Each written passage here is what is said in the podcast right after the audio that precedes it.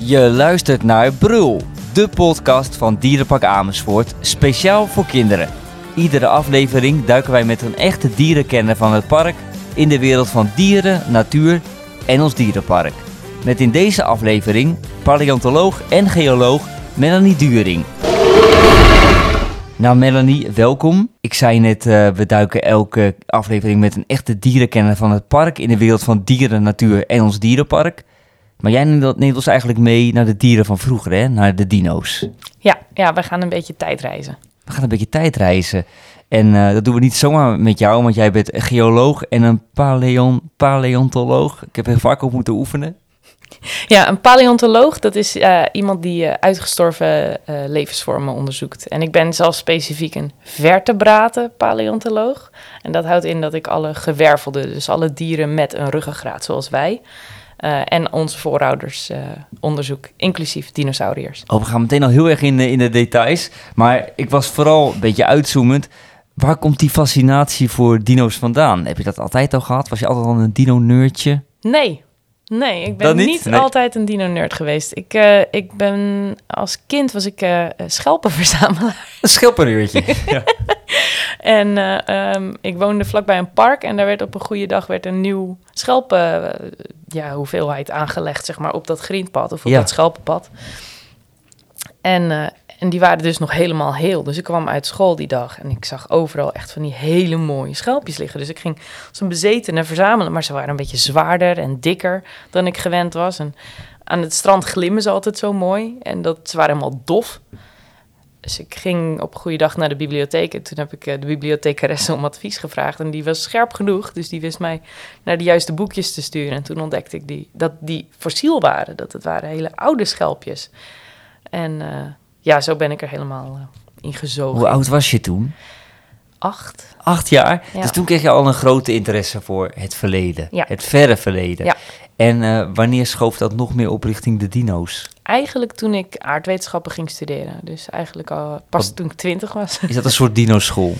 Nee, aardwetenschappen is echt... dan leer je eigenlijk alles over de aarde. Dus uh, hoe de aarde is gevormd, hoe de, de aarde verandert en hoe dat in de tijd is gebeurd en welke die levensvormen er ongeveer op hebben geleefd. En daar bleef ik echt haken. Dat was echt uh, dat, de interactie tussen leven en de aarde, dat was voor mij het ding. Dus van hoe ze er hebben geleefd, wanneer ze er hebben geleefd, uh, tot hoe ze er zijn bewaard, dat vind ik eindeloos fascinerend. En toen kwam je erachter dat er vroeger echt reusachtige dino's rondliepen. Ja, ik zie dat je een stoer shirt aan hebt met T-Rex. Yep. En had je dat vroeger ook al aan? Hing jouw kamer vol met posters met op de, de Triceratops en de Brachiosaurus? Nee, nee. Nee, ik zal je heel eerlijk bekennen. De, de, ik kom net uit de tijd van... Ik was te jong voor de Jurassic Park films, dus daar kon ik niet naartoe. En voor mij was iets als Land Before Time of uh, hoe heet het? Platvoet in het Nederlands. Oh, Platvoet, ja. Uh, Platvoet was voor mij ja, eigenlijk gewoon een tekenfilm. Dus als kind stond ik nooit zo stil bij dinosauriërs. Dat is echt. Die, die, die hype was voor de kinderen die net drie, vier jaar ouder waren dan ik. Of uh, de, de, de, de generatie van nu. Dus ik zat een daar, beetje tussenin. Ik zat daar echt onwijs tussenin. Dus ja, ik had Spice Girls op de muur. Ja. Maar je weet er nu wel echt ontzettend veel van af. Dus er moet iets gebeurd zijn... waardoor de grote liefde voor die dino's wel echt tot ja, stand kwam. Ja, dat kun je als volwassene dus ontwikkelen. dat kan. Heel veel mensen nemen dat van kinds af aan mee. Ik heb dat gewoon als volwassene gedaan. Ik dacht, weet je, ik moet werk hebben, ik moet geld verdienen, ik moet een serieuze volwassen vrouw zijn. Dus ik ga dinosauriërs onderzoeken. Ja, dat dacht ik. En toen ben je de wereld van dino's gedoken. Ja. En daar ja. weet je er ontzettend veel van af. Daar gaan we ook in deze podcast van alles over horen. Wist je dat je in Dierenpark Amersfoort een echt dinobos kan ontdekken? Vol met reusachtige dinosauriërs. Het dinobos is nu helemaal vernieuwd. Daar maak je een tijdreis door de verschillende dino-tijdperken. En in de herfstvakantie beleef je in Dierenpark Amersfoort helemaal een onvergetelijk avontuur tijdens de Dino Adventures. Je stapt in de tijdmachine en maakt een reis van miljoenen jaren terug in de tijd. Ontdek alles over de dino-tijdperken, sta oog in oog met reusachtige dino's en pas op voor de gevaren die toen op de loer lagen en weer liggen. Ja, wij hebben een dinobos, daar vind je heel veel dino's. Die bestaan echt. Nou, hebben echt bestaan. Hebben echt, nou, je moet niet uh, verraden. Wij hebben echt bestaan, maar Klopt dat? Hebben die dino's echt bestaan? Jazeker. Dat is zeker. Zeker weten. Echt Ja. zulke reusachtige dino's Ja. met enorm lange nekken en eh, nog grotere tanden. Nou, die hele lange nekken, die hadden niet ook hele grote tanden, waren andere dino's. Maar ja, ze hebben wel Ze echt liepen bestaan. rond. Ja, ze Hoe, hebben hoe lang geleden was dat? Eh, dat is van ongeveer 235 miljoen jaar geleden tot 66 miljoen jaar geleden. Dat is echt ongelooflijk lang Ja. geleden. ja. Hoe zag de wereld er toen uit? Nou, dat is wel een goede vraag. Eh, best wel, in het begin best wel anders en tegen het eind bijna hetzelfde als vandaag. Ehm, je moet je voorstellen dat al die continenten die wij kennen, als je de wereldkaart eh, bekijkt, die liggen niet vast op één plek. Eh, die worden eigenlijk vanuit de kern van de aarde een beetje eh, gestuwd, geduwd en uit elkaar getrokken. En aan het begin van het dino-tijdperk hadden wij een supercontinent. We hadden alle continenten als een soort van puzzeltje bij elkaar liggen. Dus Ja, en continent, dat is nu bijvoorbeeld Afrika, ja, precies. Noord-Amerika, Europa. En bijvoorbeeld als je kijkt naar de vorm van Zuid-Amerika, dat past ook precies zo in dat okseltje van Afrika. En eh, de Atlantische Oceaan was überhaupt nog dicht. Als Dus- je alle puzzelstukjes aan elkaar zou leggen, zou het bijna een complete puzzel zijn. Precies. En, eh, en die is langzaam uit elkaar gaan breken in het dino-tijdperk. En dat kun je ook zien, want in het begin komen bijvoorbeeld veel dino's die je in Afrika en Zuid-Amerika tegenkomt, die komen ook op allebei die continenten voor. Want ze, lagen, ze konden gewoon heen en weer lopen, eh, praktisch gezien. En eh, Europa was een beetje een ander verhaal, want Europa heeft heel veel eh, beneden zeeniveau gelegen. En dus hadden wij een soort van archipelago van kleine eilandjes in Europa. Dus je hebt ook wel Wat een is beetje... dat, een archipelago? Een archipelago is, is bijvoorbeeld eh, Stockholm is ook een archipelago. Dat is een, eh, keten van heel veel eilanden bij elkaar. Een verzameling. Ja, ja. eh, kijk, ze kunnen vormen door vulkanisme. Ze kunnen vormen door gewoon door de zeespiegelstijging. Dat je alleen hogere delen boven water hebt uitsteken. Maar dat, we noemen een, een verzameling eilanden noemen we een eh, archipelago. Ja. En eh, in die, in die periode zijn die continenten dus uit elkaar gaan bewegen. Ehm, we hadden geen continu aanwezig poolijs. Dus het was niet dat de temperatuurverschillen zoals vandaag de dag tussen de evenaar en de pool zo groot zijn als nu. Ehm, maar je had wel winters. Ah, dus er waren toen al een beetje seizoenen. Ehm, nou, kijk, seizoenen zijn er altijd. En dat is soms wat lastig om uit te leggen. Maar zelfs nabij de evenaar heb je seizoenen. Maar dan heb je bijvoorbeeld een, eh, een seizoen van moessonregens en een seizoen van droogte. Ja. Dat zijn ook seizoenen. Maar anders gevuld. Ja, nou ja, en, en kijk, eh, met zo'n supercontinent, het grootste verschil is, kijk, wij kennen de golfstroom. Dat is bijvoorbeeld waarom het hier in Noordwest-Europa zoveel warmer is dan in Noord-Amerika Ja. in de winter. Eh, en dat komt omdat er een warme eh, warmteaanvoer is via de oceaan.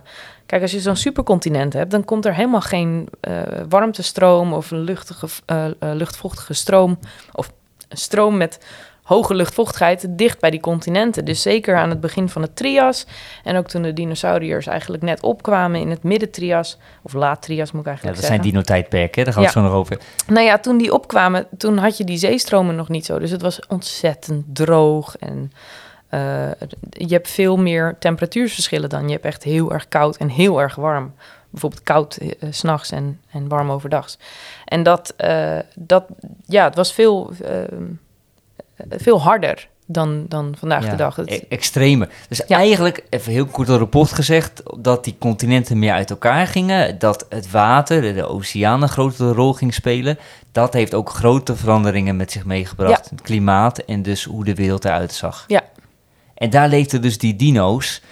Maar je zei net, al, ja, die hebben echt bestaan. Maar hoe weten we dat dan zeker? Nou, we vinden meerdere resten van ze.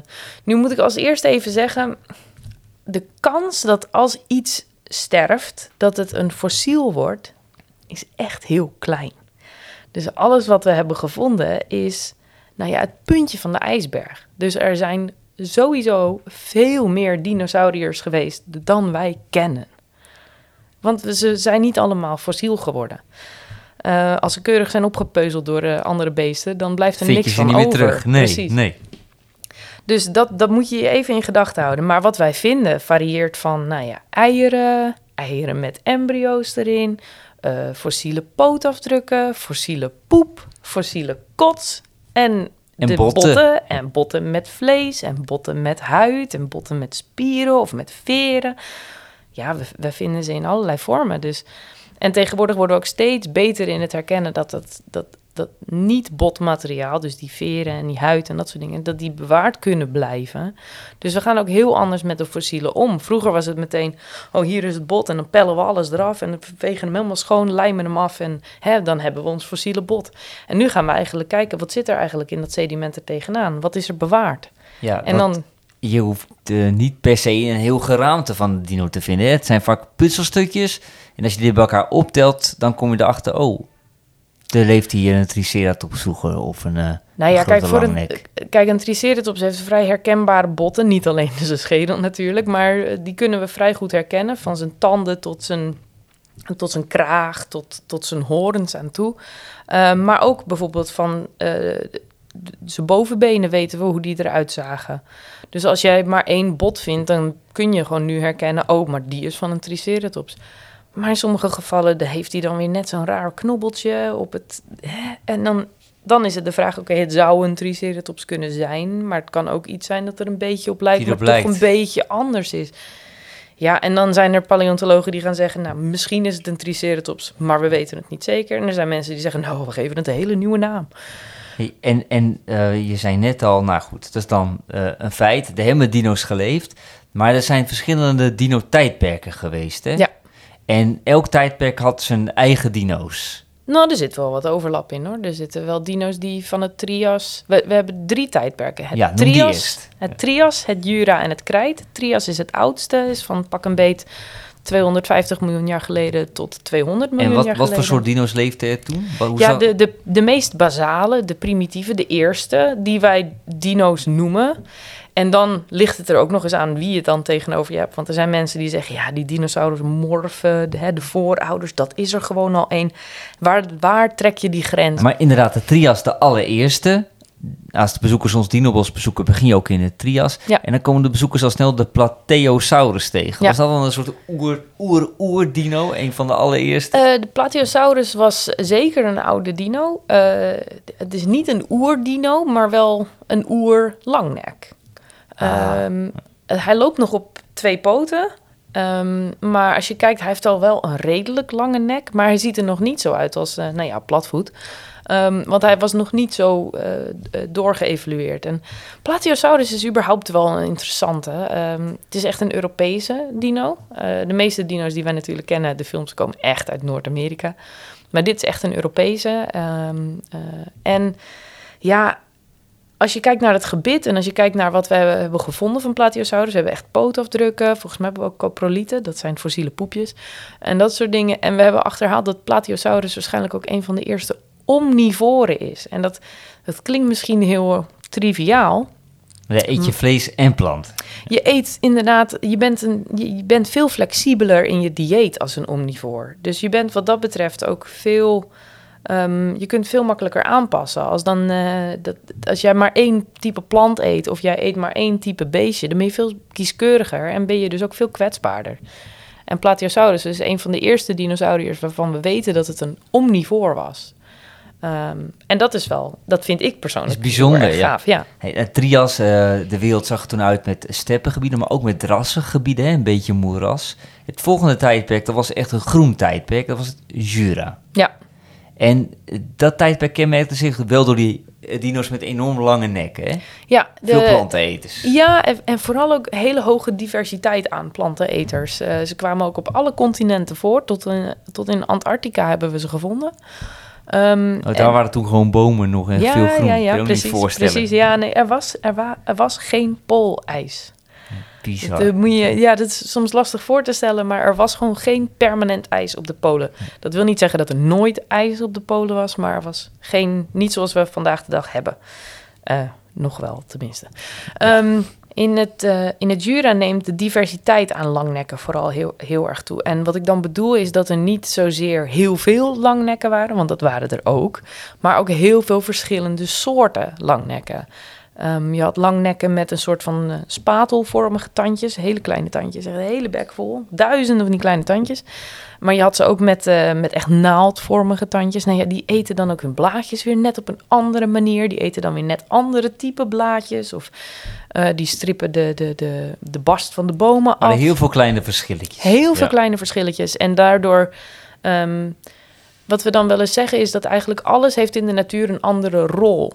En al die planteneters hadden dus ook net een andere niche of een andere rol in de natuur. Maar eh, ja, reusachtig waren ze. eh, Enorm groot, ja. Enorm, ja. Maar de grootste waren er nog niet. De grootste die kwamen later. Want er is iets raars in de natuur. Je hebt momenten van hele hoge biodiversiteit. Dus dat er heel veel variatie is. Maar vaak kunnen ze niet allemaal de concurrentie even goed aan. Dus je hebt eigenlijk altijd dat daarna die variatie ook weer afneemt. En dat was bij de langnekken echt het geval. Ja, terwijl de Brachiosaurus, die is enorm lang, nou, die steekt hier boven de dinopos uit met zijn met zijn kop. Ja. Die leeft al in de, in de Jura, maar er waren dus nog grotere dino's. Ja. En die kwamen we tegen in het krijt. Die kwamen tegen in het krijt. Ja, en dan eigenlijk bijna alleen nog maar in Zuid-Amerika. Ah, nou, dat is wel- in de dinobos vind je alles eh bij elkaar. Ja, ja, ja, precies. Mooie Eh, verzameling dan. Ja, het is ook. eh, ik zou niet zeggen dat het nou nog rendabel is om tegen iedereen te zeggen: ga erheen vliegen. Nee. Nee, dus gewoon weet je hier wat, naar hier het je-. Staan ze allemaal bij elkaar. Hé, maar dat was ook het tijdperk van de echt uitgesproken dino's, hè? De bekende, de Triceratops waar we het over hadden, Ja. de Velociraptor, de T-Rex, niet te Ja. vergeten. Nee, precies. Ja. En, en was dat ook de tijdperk waarin de dino's ultra sterk waren, want de sterkste bleven over? Ja, dat, vind ik altijd zo'n rare. Wij hebben het idee altijd, eh, dat Darwin die schreef over de, hè, de survival of the fittest, het, overleving, de overleving van de sterkste, de sterkste overleeft. En daarbij stellen we ons graag voor dat er zo'n zo'n zo'n zo'n nou ja, halfblote man met twee hele sterke armen zo staat. Zo van, ik ben aan- bovenaan de voedselketen en ik ben de sterkste. Ehm, en dat is niet zo. Eh, namelijk sowieso als je bovenaan de voedselketen staat, wat T-Rex bijvoorbeeld. eh, dat was de positie die T-Rex had. Hij was de grootste, de sterkste, sterkste bijtkracht. eh, niet de snelste, maar wel de sterkste. Ehm, maar daarmee eigenlijk ook heel kwetsbaar. Want hij stond bovenaan de voedselketen. Dus als die voedselketen instort, dan heeft hij niks meer te eten. Dan ben je als planteneter veel flexibeler of als omnivoor veel flexibeler. Dus was dan de slimste de sterkste? Eh, nou, ik zou zeggen degene die zich het beste kan aanpassen. Want, eh, en dat, dat zie je in alle eh, extincties. De, de voedselketen stort in, eigenlijk vaak vanaf de planten af. Dus je, die- hè, er, is geen planten, er zijn geen planten om te eten, dus de planteneters hebben niks te eten. Dus nou, dan hebben de, ook de grotere vleeseters niets te eten. En dan stort die hele piramide als het ware Die stort in. die stort in. En als jij dan degene bent die zegt, nou ja, ik, ik eet wel iets anders. Of ik kan, eh, ik kan ook gewoon eventjes eh, in een soort van eh, winterslaapje in mijn grotje gaan liggen tot het weer wat beter is en er weer wat opkomt. En dan eet ik die eerste pla- plantjes wel weer. Dan ben jij veel flexibeler en dan is je kans op overleven veel groter. Nu waren de T-Rex en de Triceratops misschien wel de bekendste dino, dino's uit het tijdperk krijt. Die konden ook wel eens een stevig potje met elkaar vechten, hè? Nou ja, ik denk niet eerlijk gezegd dat ze dat... Nou, ja, zo stellen we het ons natuurlijk graag voor. Eh, persoonlijk denk ik dat een T-Rex eerder achter iets kleiners aan zou gaan. Het Triceratops heeft het grootste schedel dat een landdier ooit heeft gehad. Eh, daar kon die T-Rex niet zomaar even zijn tanden in zetten. Ze hebben het wel geprobeerd, maar ik denk, het zou me niet verbazen als een T-Rex eerder een, een baby Triceratopsje, tri- Mm. Triceratopsje zou pakken dan een volwassene. Want die volwassene, die heeft een flinke schedel met een flink paar hoorns erop. En als die hem een kopstoot zou verkopen, dan, dan doet die Dan heb je T-Rex hoofdpijn. helemaal niks meer. Nou, nu, in ons dinopos staan die twee eh, gevaarlijk tegenover elkaar. Hoe leefden dino's eigenlijk samen? Want eh, nou, dat waren niet de allerbeste vrienden, maar waren er ook dino's die samen, dinosoorten die samen met elkaar optrokken, of was het ieder voor zich? Nou, er zijn waarschijnlijk wel wat dino's die samen optrokken, maar dan niet zeg maar een T-Rex en een eh, Triceratops die samen eventjes eh, door de Hell Creek wandelden en, eh, en een gezellig Hell dagje Creek. van maakten. Nee, het is wat ik aannemelijker acht is bijvoorbeeld T-Rex leefde waarschijnlijk in groepen. Ja? Dus dus je, je had niet te maken met één T-Rex. En in dat geval had een Triceratops het ook wat zwaarder. Maar Triceratops leefde waarschijnlijk ook in groepen. Wat we heel veel zien zijn uh, bijvoorbeeld clusters van nesten van eieren. Van bijvoorbeeld Mayasaurus. Dus er was wel degelijk een soort van samenleving binnen de, de groepen. Ja, hier in het Dinobos wordt de Mayasaura en de Uganodon... die Mhm. worden aangevallen door van die kleine vleeseters... zoals de Velociraptor en Trodons. Mhm. Die trokken ook op in groepen met elkaar. Hè? Ja. En die maakten dan een tactiek en dan vielen ze zo eh, de dino aan. Dat is, Dat dat is speculeren. Eh, het is natuurlijk, kijk, ehm, het, is niet eh, het is niet uit te sluiten. En het is ook best aannemelijk. Maar bewijs zoiets maar eens. Dus het, dat is wat lastig. We hebben het nu heel erg vaak over de biodiversiteit op aarde. Mhm. Biodiversiteit, dat bestaat uit alle verschillende soorten planten, dieren, bacteriën schimmels. Nou, alles wat op aarde leefde. Als ik jou zo hoor, was dat ook al het geval in de tijd van de dino's. Ja. Er leefden niet alleen dino's, toch? Er waren ook reuze insecten. Ik zag eh, tekeningen van eh, gigantische libelles die rondvlogen. Ja, maar die waren zelfs nog ouder. Dus die, die, die zijn er nog langer. ja, die zijn, dat is nog langer geleden. Dan heb je het echt over 400 miljoen jaar geleden. Maar zelfs. toen had je ook al dus insecten en planten. En, maar niet Eigenlijk altijd dezelfde je- planten die je nu vindt. Precies. Eigenlijk heb je wat wij, wij noemen de basis van de biodiversiteit die wij kennen op aarde. Die werd al gelegd in, in het Cambrium eigenlijk. Dus dan, heel lang heel geleden. lang geleden. Toen leefde mijn oma nog niet eens. Nou, dan, dan heb je echt een, een biodiversiteit en een eh, natuur die met elkaar eh, in interactie gaat. Dus de een eet de ander, de ander jaagt de een. eh, en er, er is meer dan... Want daarvoor was het een soort van, nou ja... Alles leefde in het water en filterde passief wat uit het water op. En zo leefden ze. En dat was het. Ehm, en vanaf die tijd heb je eigenlijk die interactie. Dus je hebt je primaire producenten, dat zijn planten of algen, die primaire productie klinkt heel moeilijk, maar wat het eigenlijk betekent is van niets maken ze iets. Dus die maken van zonlicht en CO2 maken zij zuurstof en suiker.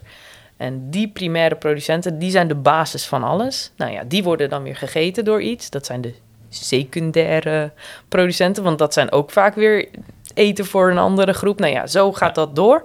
Eh, tot je bij de, de apex, de bovenaan, eh, de roofdieren komt, zoals bijvoorbeeld T-Rex. Eh, en zo zit zo'n enorme biodiversiteit in elkaar. En er zijn heel veel interacties. En bijvoorbeeld ook als iets doodgaat, dan wordt dat weer opgegeten. Eerst door de wat grotere beesten, en dan komen er de micro-organismen bij. En, en, ehm, en zo blijft er ook 9 van de 10 keer niks over om te fossiliseren trouwens. maar wat je dus hebt, is je hebt die hele biodiversiteit. En ook vandaag de dag heb je die hele biodiversiteit.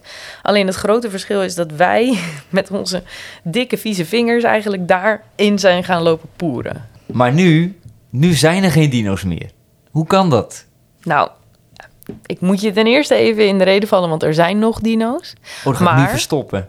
Ja, nee, nee, nee. Eh, eh, nou ja, sommige kunnen ook echt wel gevaarlijk zijn. Maar de niet-vliegende dino's, die zijn inderdaad allemaal in één dramatisch moment uitgestorven. Maar hoe dan? Er sloeg een meteoriet in, in de Golf van Mexico. En, eh, de, de- er ligt nu een klein plaatsje, dat heet Chicxulub. En dat zit echt, eh, als je zeg maar de, de Golf van Mexico he- hebt, dan gaat er zo'n klein sliertje, zo'n schiereiland, gaat terug naar boven. En precies daar, en dat lag toen nog onder water trouwens, is eh, een ongeveer 12 kilometer brede asteroïde ingeslagen. Een meteoriet. Ja. Dat is echt heel erg groot. En die knalt dus eigenlijk in de zee. Ja, nou, eigenlijk kun je bijna zelfs zeggen dat op het moment dat hij daar was, was hij al grotendeels verdampt. Eh, want de, de atmosfeer deed hem eh, verhitten en hij sloeg in op een, een, ja, eigenlijk een soort van koraalrif. Alleen dan niet met de koralen die wij kennen, maar zo'n rif. En dat zat helemaal vol met ja, kalksteen en, en zwavel.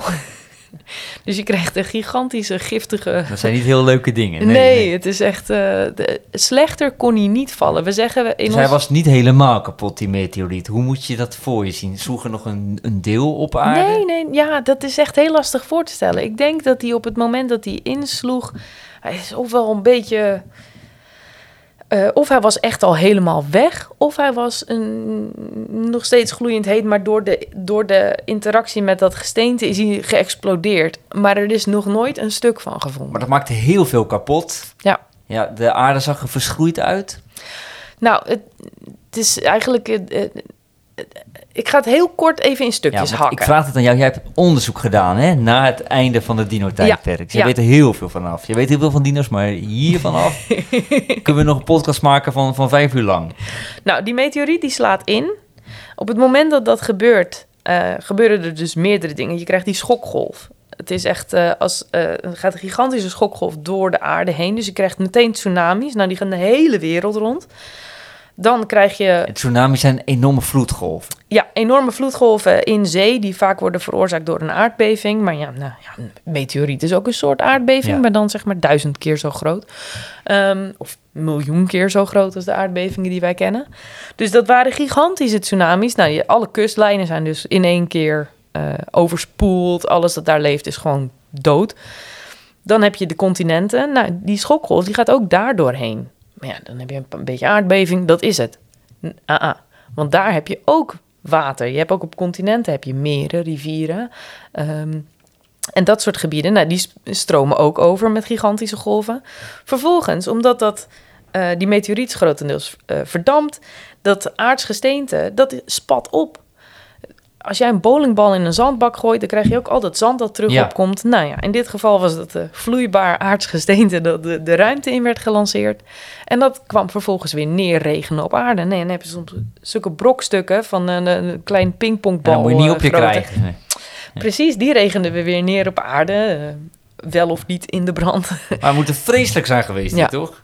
Ja, Ja. eh, er zijn meerdere studies. Ik bedoel, ik ben ook echt niet alleen geweest in mijn onderzoek. Maar er zijn meerdere studies gedaan naar deze uitsterving. We zijn er nog steeds niet helemaal achter waarom nou de dinosauriërs zo selectief uitgeroeid zijn. Ja, de niet-vliegende dinosauriërs. De niet-vliegende dinosauriërs. Maar wat we wel eigenlijk vast hebben staan, is dat als jij, hè, stel jij was daar.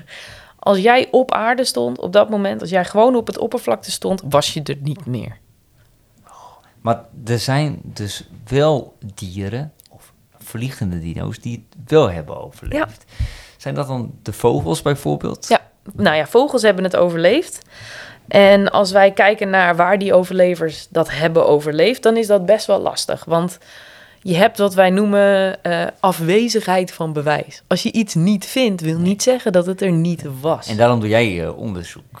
Ja, Ja, Nou. Om zoveel mogelijk bewijs te vinden. ja maar, maar je hebt altijd nog dat hiaat van wat je niet hebt gevonden. En daar kun je eigenlijk geen conclusies van trekken. Wat we bijvoorbeeld vinden is dat eh, vogels die het hebben overleefd, dat die eh, vrijwel eh, tot nu toe exclusief op het zuidelijk halfrond worden gevonden. Dus het, het, het onderste deel van de wereld. Ja, nou ja, de onderste helft eh, van de wereld. helft. Ja. ja, wij wonen hier op de noordelijke helft, de bovenste helft. Eh, en op de onderste helft, onder de evenaar, ehm, daar vinden we dus fossielen van vogels waarvan de, de moderne vogels afstammen. En hoe kan het dat je die daar wel vond en niet noordelijk? Dat is afwezigheid van bewijs. Ah. Dat is precies iets waar ik niks over kan zeggen. Als we het niet vinden, vinden we het niet. Dat is het moeilijke. Doen we vorig jaar nog een interview, dan ben je vast verder daar, eh, daarmee. Nou, die meteorietinslag had natuurlijk een enorme invloed op hoe de aarde uitzag. Nou, gelukkig is de aarde weer een beetje bijgetrokken. Veranderde die biodiversiteit waar we het eerder over hadden, hè, dus al het leven op aarde, dat veranderde zeker ontzettend erg na zo'n grote klap. Zeker weten. De meest dominante groep die er zo'n 160 miljoen jaar had geleefd, was, was er niet meer. En eh, wij noemen het, het Mesozoïcum, het dinosaurus-tijdperk, noemen wij dus ook wel het tij- tijdperk van de reptielen. En wat je vervolgens ziet, is dat we het tijdperk van de zoogdieren instappen. Dus eh, je, je hoofdroofdier is niet langer een T-rex, dat is een leeuw. Of, nou ja, we hebben in de tussentijd ook al wat sabeltandtijgers en, en andere beesten gehad. Maar wat je eigenlijk vrijwel meteen ziet, is dat de zoogdieren die dominante rol in gaan nemen, die, eh, die de reptielen hadden. Ja, want er waren nog wel reptielen, bijvoorbeeld de schildpad was er nog en de krokodil was er nog. Die hadden dus blijkbaar bepaalde overlevingstechnieken. Nou ja, schildpadden en krokodillen zijn ten eerste vele malen ouder dan eh, dinosauriërs. Ze zijn ook echt ouder dan de dinosauriërs. En ze zijn er inderdaad nog steeds. En schildpadden en krokodillen zijn eh, koudbloedige dieren. En die kunnen iets heel geks. En dat noemen wij torpor. En torpor is eigenlijk dat je al je lichaamsfuncties uitschakelt als de condities niet goed zijn. Dus bijvoorbeeld, het is plotseling veel te droog en eigenlijk moet je drinken en je moet eten en het is er allemaal niet. Dan ga je in torpor, zet je alles uit en tot het weer beter is en dan eh, zet je het weer aan. En dat kunnen zij. Dat kunnen zij. Ongelooflijk. Ja. Goed, we zitten dus nu eigenlijk nog steeds in het tijdperk van de zoogdieren, althans dat de zoogdieren dominant zijn onder alle diersoorten. Ja. Ging dat snel? Trok de aarde weer snel bij? Ja, ja eh, hoe snel weten we niet. Maar eh, de vermoedens zijn eh, ergens tussen de 10.000 jaar en, en een paar miljoen jaar. Maar wat we eigenlijk überhaupt zien als we kijken naar alle massa-extincties... dan is het dat herstel vrij snel gebeurt. Ja, de aarde hield zich snel. Ja. We zitten nu ook in een klimaatverandering. Ja, Het warmt heel erg snel op. ja. Kan je dat vergelijken met de situatie toen? Ja en nee. Ehm, we kunnen het inderdaad vergelijken, omdat er veel CO2 in de atmosfeer komt en ook veel zwavel en andere eh, eh, vieze stoffen. Ehm, dat, dat is te vergelijken, alleen het gebeurt niet zomaar door een stuk ruimtepuin. Is het, is het erg dat we nu in de klimaatverandering zitten? Want dit is blijkbaar al eerder gebeurd. En de aarde heeft zich hersteld. Ja, ja maar eh, de aarde herstelt zich wel, maar het zijn altijd andere dieren die dan winnen. En wij zijn ook dieren. Ja, het gaat te snel misschien nu. de nou, het gaat en te snel. En wat we eigenlijk aan het doen zijn, waar we veel te weinig bij stilstaan, is wij vernielen ons eigen leefgebied. Dus wij zijn ook onderdeel van die Dus biodiversiteit. de wereld wordt nu niet alleen mooier voor de natuur, maar ook ons eigen huis zijn we eigenlijk flink aan het bevuilen. Eh, oh, ja, precies. En, en verwacht dan daar nog maar even gezond te kunnen gaan leven en opgroeien. Kijk, die meteorietinslag, daar komt natuurlijk helemaal niks aan doen. Dat nee, was geen waarschuwing. Nee. Gelukkig gaat het ook... Oh, nou ja, hopelijk gaat dat nooit meer gebeuren, want we hebben het over miljoenen jaren. Hey, Maar- NASA heeft laatst een, een, een, een, een, duwtje in de, in de rug gegeven van eentje die in de buurt kwam. Om aan te tonen dat ze dat kunnen. Dus ik verwacht eerlijk gezegd niet dat wij bedreigd gaan worden door een asteroïde. Nee. Nou, oké, dat niet. Maar goed, er zijn dus wel andere bedreigingen Ja. die dus grote invloed hebben op de biodiversiteit. Ja, Kunnen we er wat aan doen aan die te snelle opwarming? zeker weten. Ja. Ja, en ja. Wat voor dingetjes kunnen we zelf doen? Wat we zelf kunnen doen, dat is, nou ja, begin bij het begin. Eh, Water, niet te veel verspillen. Eh, en energie, niet te veel verspillen. Want al die fossiele brandstoffen die wij gebruiken... die hebben er honderden miljoenen jaren over gedaan om te vormen. En wij zenden in één klap zo die CO2 ervan in de lucht. Nou, ik dacht zelf ook nog even eens over na. We kunnen ook een paar dingen heel snel doen. Bijvoorbeeld door je tuin groener te maken. Ja. Dat scheelt al gewoon die tegels eruit te wippen. Wat minder lang te douchen. Ik heb zo'n handig douchetimertje hangen. Dan kan je vijf minuten douchen. Ja. Heb je die ook? Eh, ik, ja, en ik... Dat is eh, ideaal. precies. En bijvoorbeeld de kraan dicht doen als je je tanden aan het poetsen bent. Die hoeft helemaal niet open te blijven staan. Ja, ja, precies. Ja. En ehm, eh, als jij je tuin gaat beplanten, zoek dan ook planten die van nature in je gebied voorkomen. Inheemse natuur is dat, hè? Ja. Of wat oorspronkelijk thuis hoort. Nou ja, zo'n bananenboom voegt niks toe aan de Nederlandse biodiversiteit, want er is geen insect die er wat mee kan. Dat is wat ik bedoel.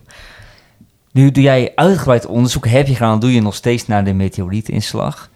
Dat doe je niet eh, zonder reden. Je vindt het hartstikke interessant. Ja. Maar je kan er denk ik ook ontzettend veel van leren. Hè? Ja. Waarom is het zo belangrijk om te weten hoe de wereld er vroeger uitzag en hoe die dino's met elkaar leefden en wat allemaal is gebeurd met de wereld? Nou, het verleden is ook de sleutel naar de toekomst. Als jij begrijpt hoe in het verleden, eh, eh, na zo'n eh, uitsterven of tijdens zo'n uitsterven, hoe alles is verlopen, dan geeft het jou de handvatten om te kijken naar wat er vandaag de dag gebeurt. En dan krijg je een idee van waar je op moet gaan letten. Maar de bezoeker, jij, jij daar thuis, die kan ook ontzettend veel leren in ons Dinobos. En die is dus weer open vanaf 15 oktober, de start van de herfstvakantie. Een vernieuwd Dinobos. En dat vieren wij met de Dino Adventures. Ontzettend spannend avontuur. Waar je een tijdreis gaat maken door al die Dino-tijdperken. En dus ook al die gevaren tegenkomt die jij net eh, benoemde. Je bent welkom om in de tijdmachine te stappen en dan een reis te maken van miljoenen jaren terug in de tijd. Dat hebben we allemaal net gehoord. Ontdek alles over de dino-tijdperken. Sta oog in oog met reusachtige dino's. En pas op voor de gevaren die toen al op de loer lagen. En nu dus nog steeds een beetje op de loer liggen. Zeker in het dinobos. Ja, en dit is een vraag waar ik mijn hele leven al mee zit. Die voorpoten van die T-Rex, waarom waren die zo ontzettend klein. Nou ja, waarom ze zo klein waren, weet ik niet. Maar ze waren wel echt heel klein. Ik, heb, eh, ik liep stage in eh, Noord-Amerika. Toen heb ik een, een replica van Stan, de T-Rex, eh, gebouwd. Nou, dat, die is ongeveer 16 meter lang. En zijn arm is net zo groot als die van mij. Nou, ik kan hem wat? er zo naast houden. Nou, we gaan het gewoon zelf even bekijken. De T-Rex staat hier in het Dinobos. Oh, gaan wij er alvast in. Ja. Ben je er klaar voor? Ja. Ja, jij weet een beetje met die dino's om te gaan met al die kennis. Dus we lopen niet gevaar daar. Nee, nee hoor. En wat is jouw favoriete dino eigenlijk? Heb ik niet. Oh, Nee. Ja. ik heb geen favoriet, sorry. Oh, ik vind, Ik vind de ze allemaal Velociraptor. even cool. En de Velociraptor is net zo'n doerak als ik.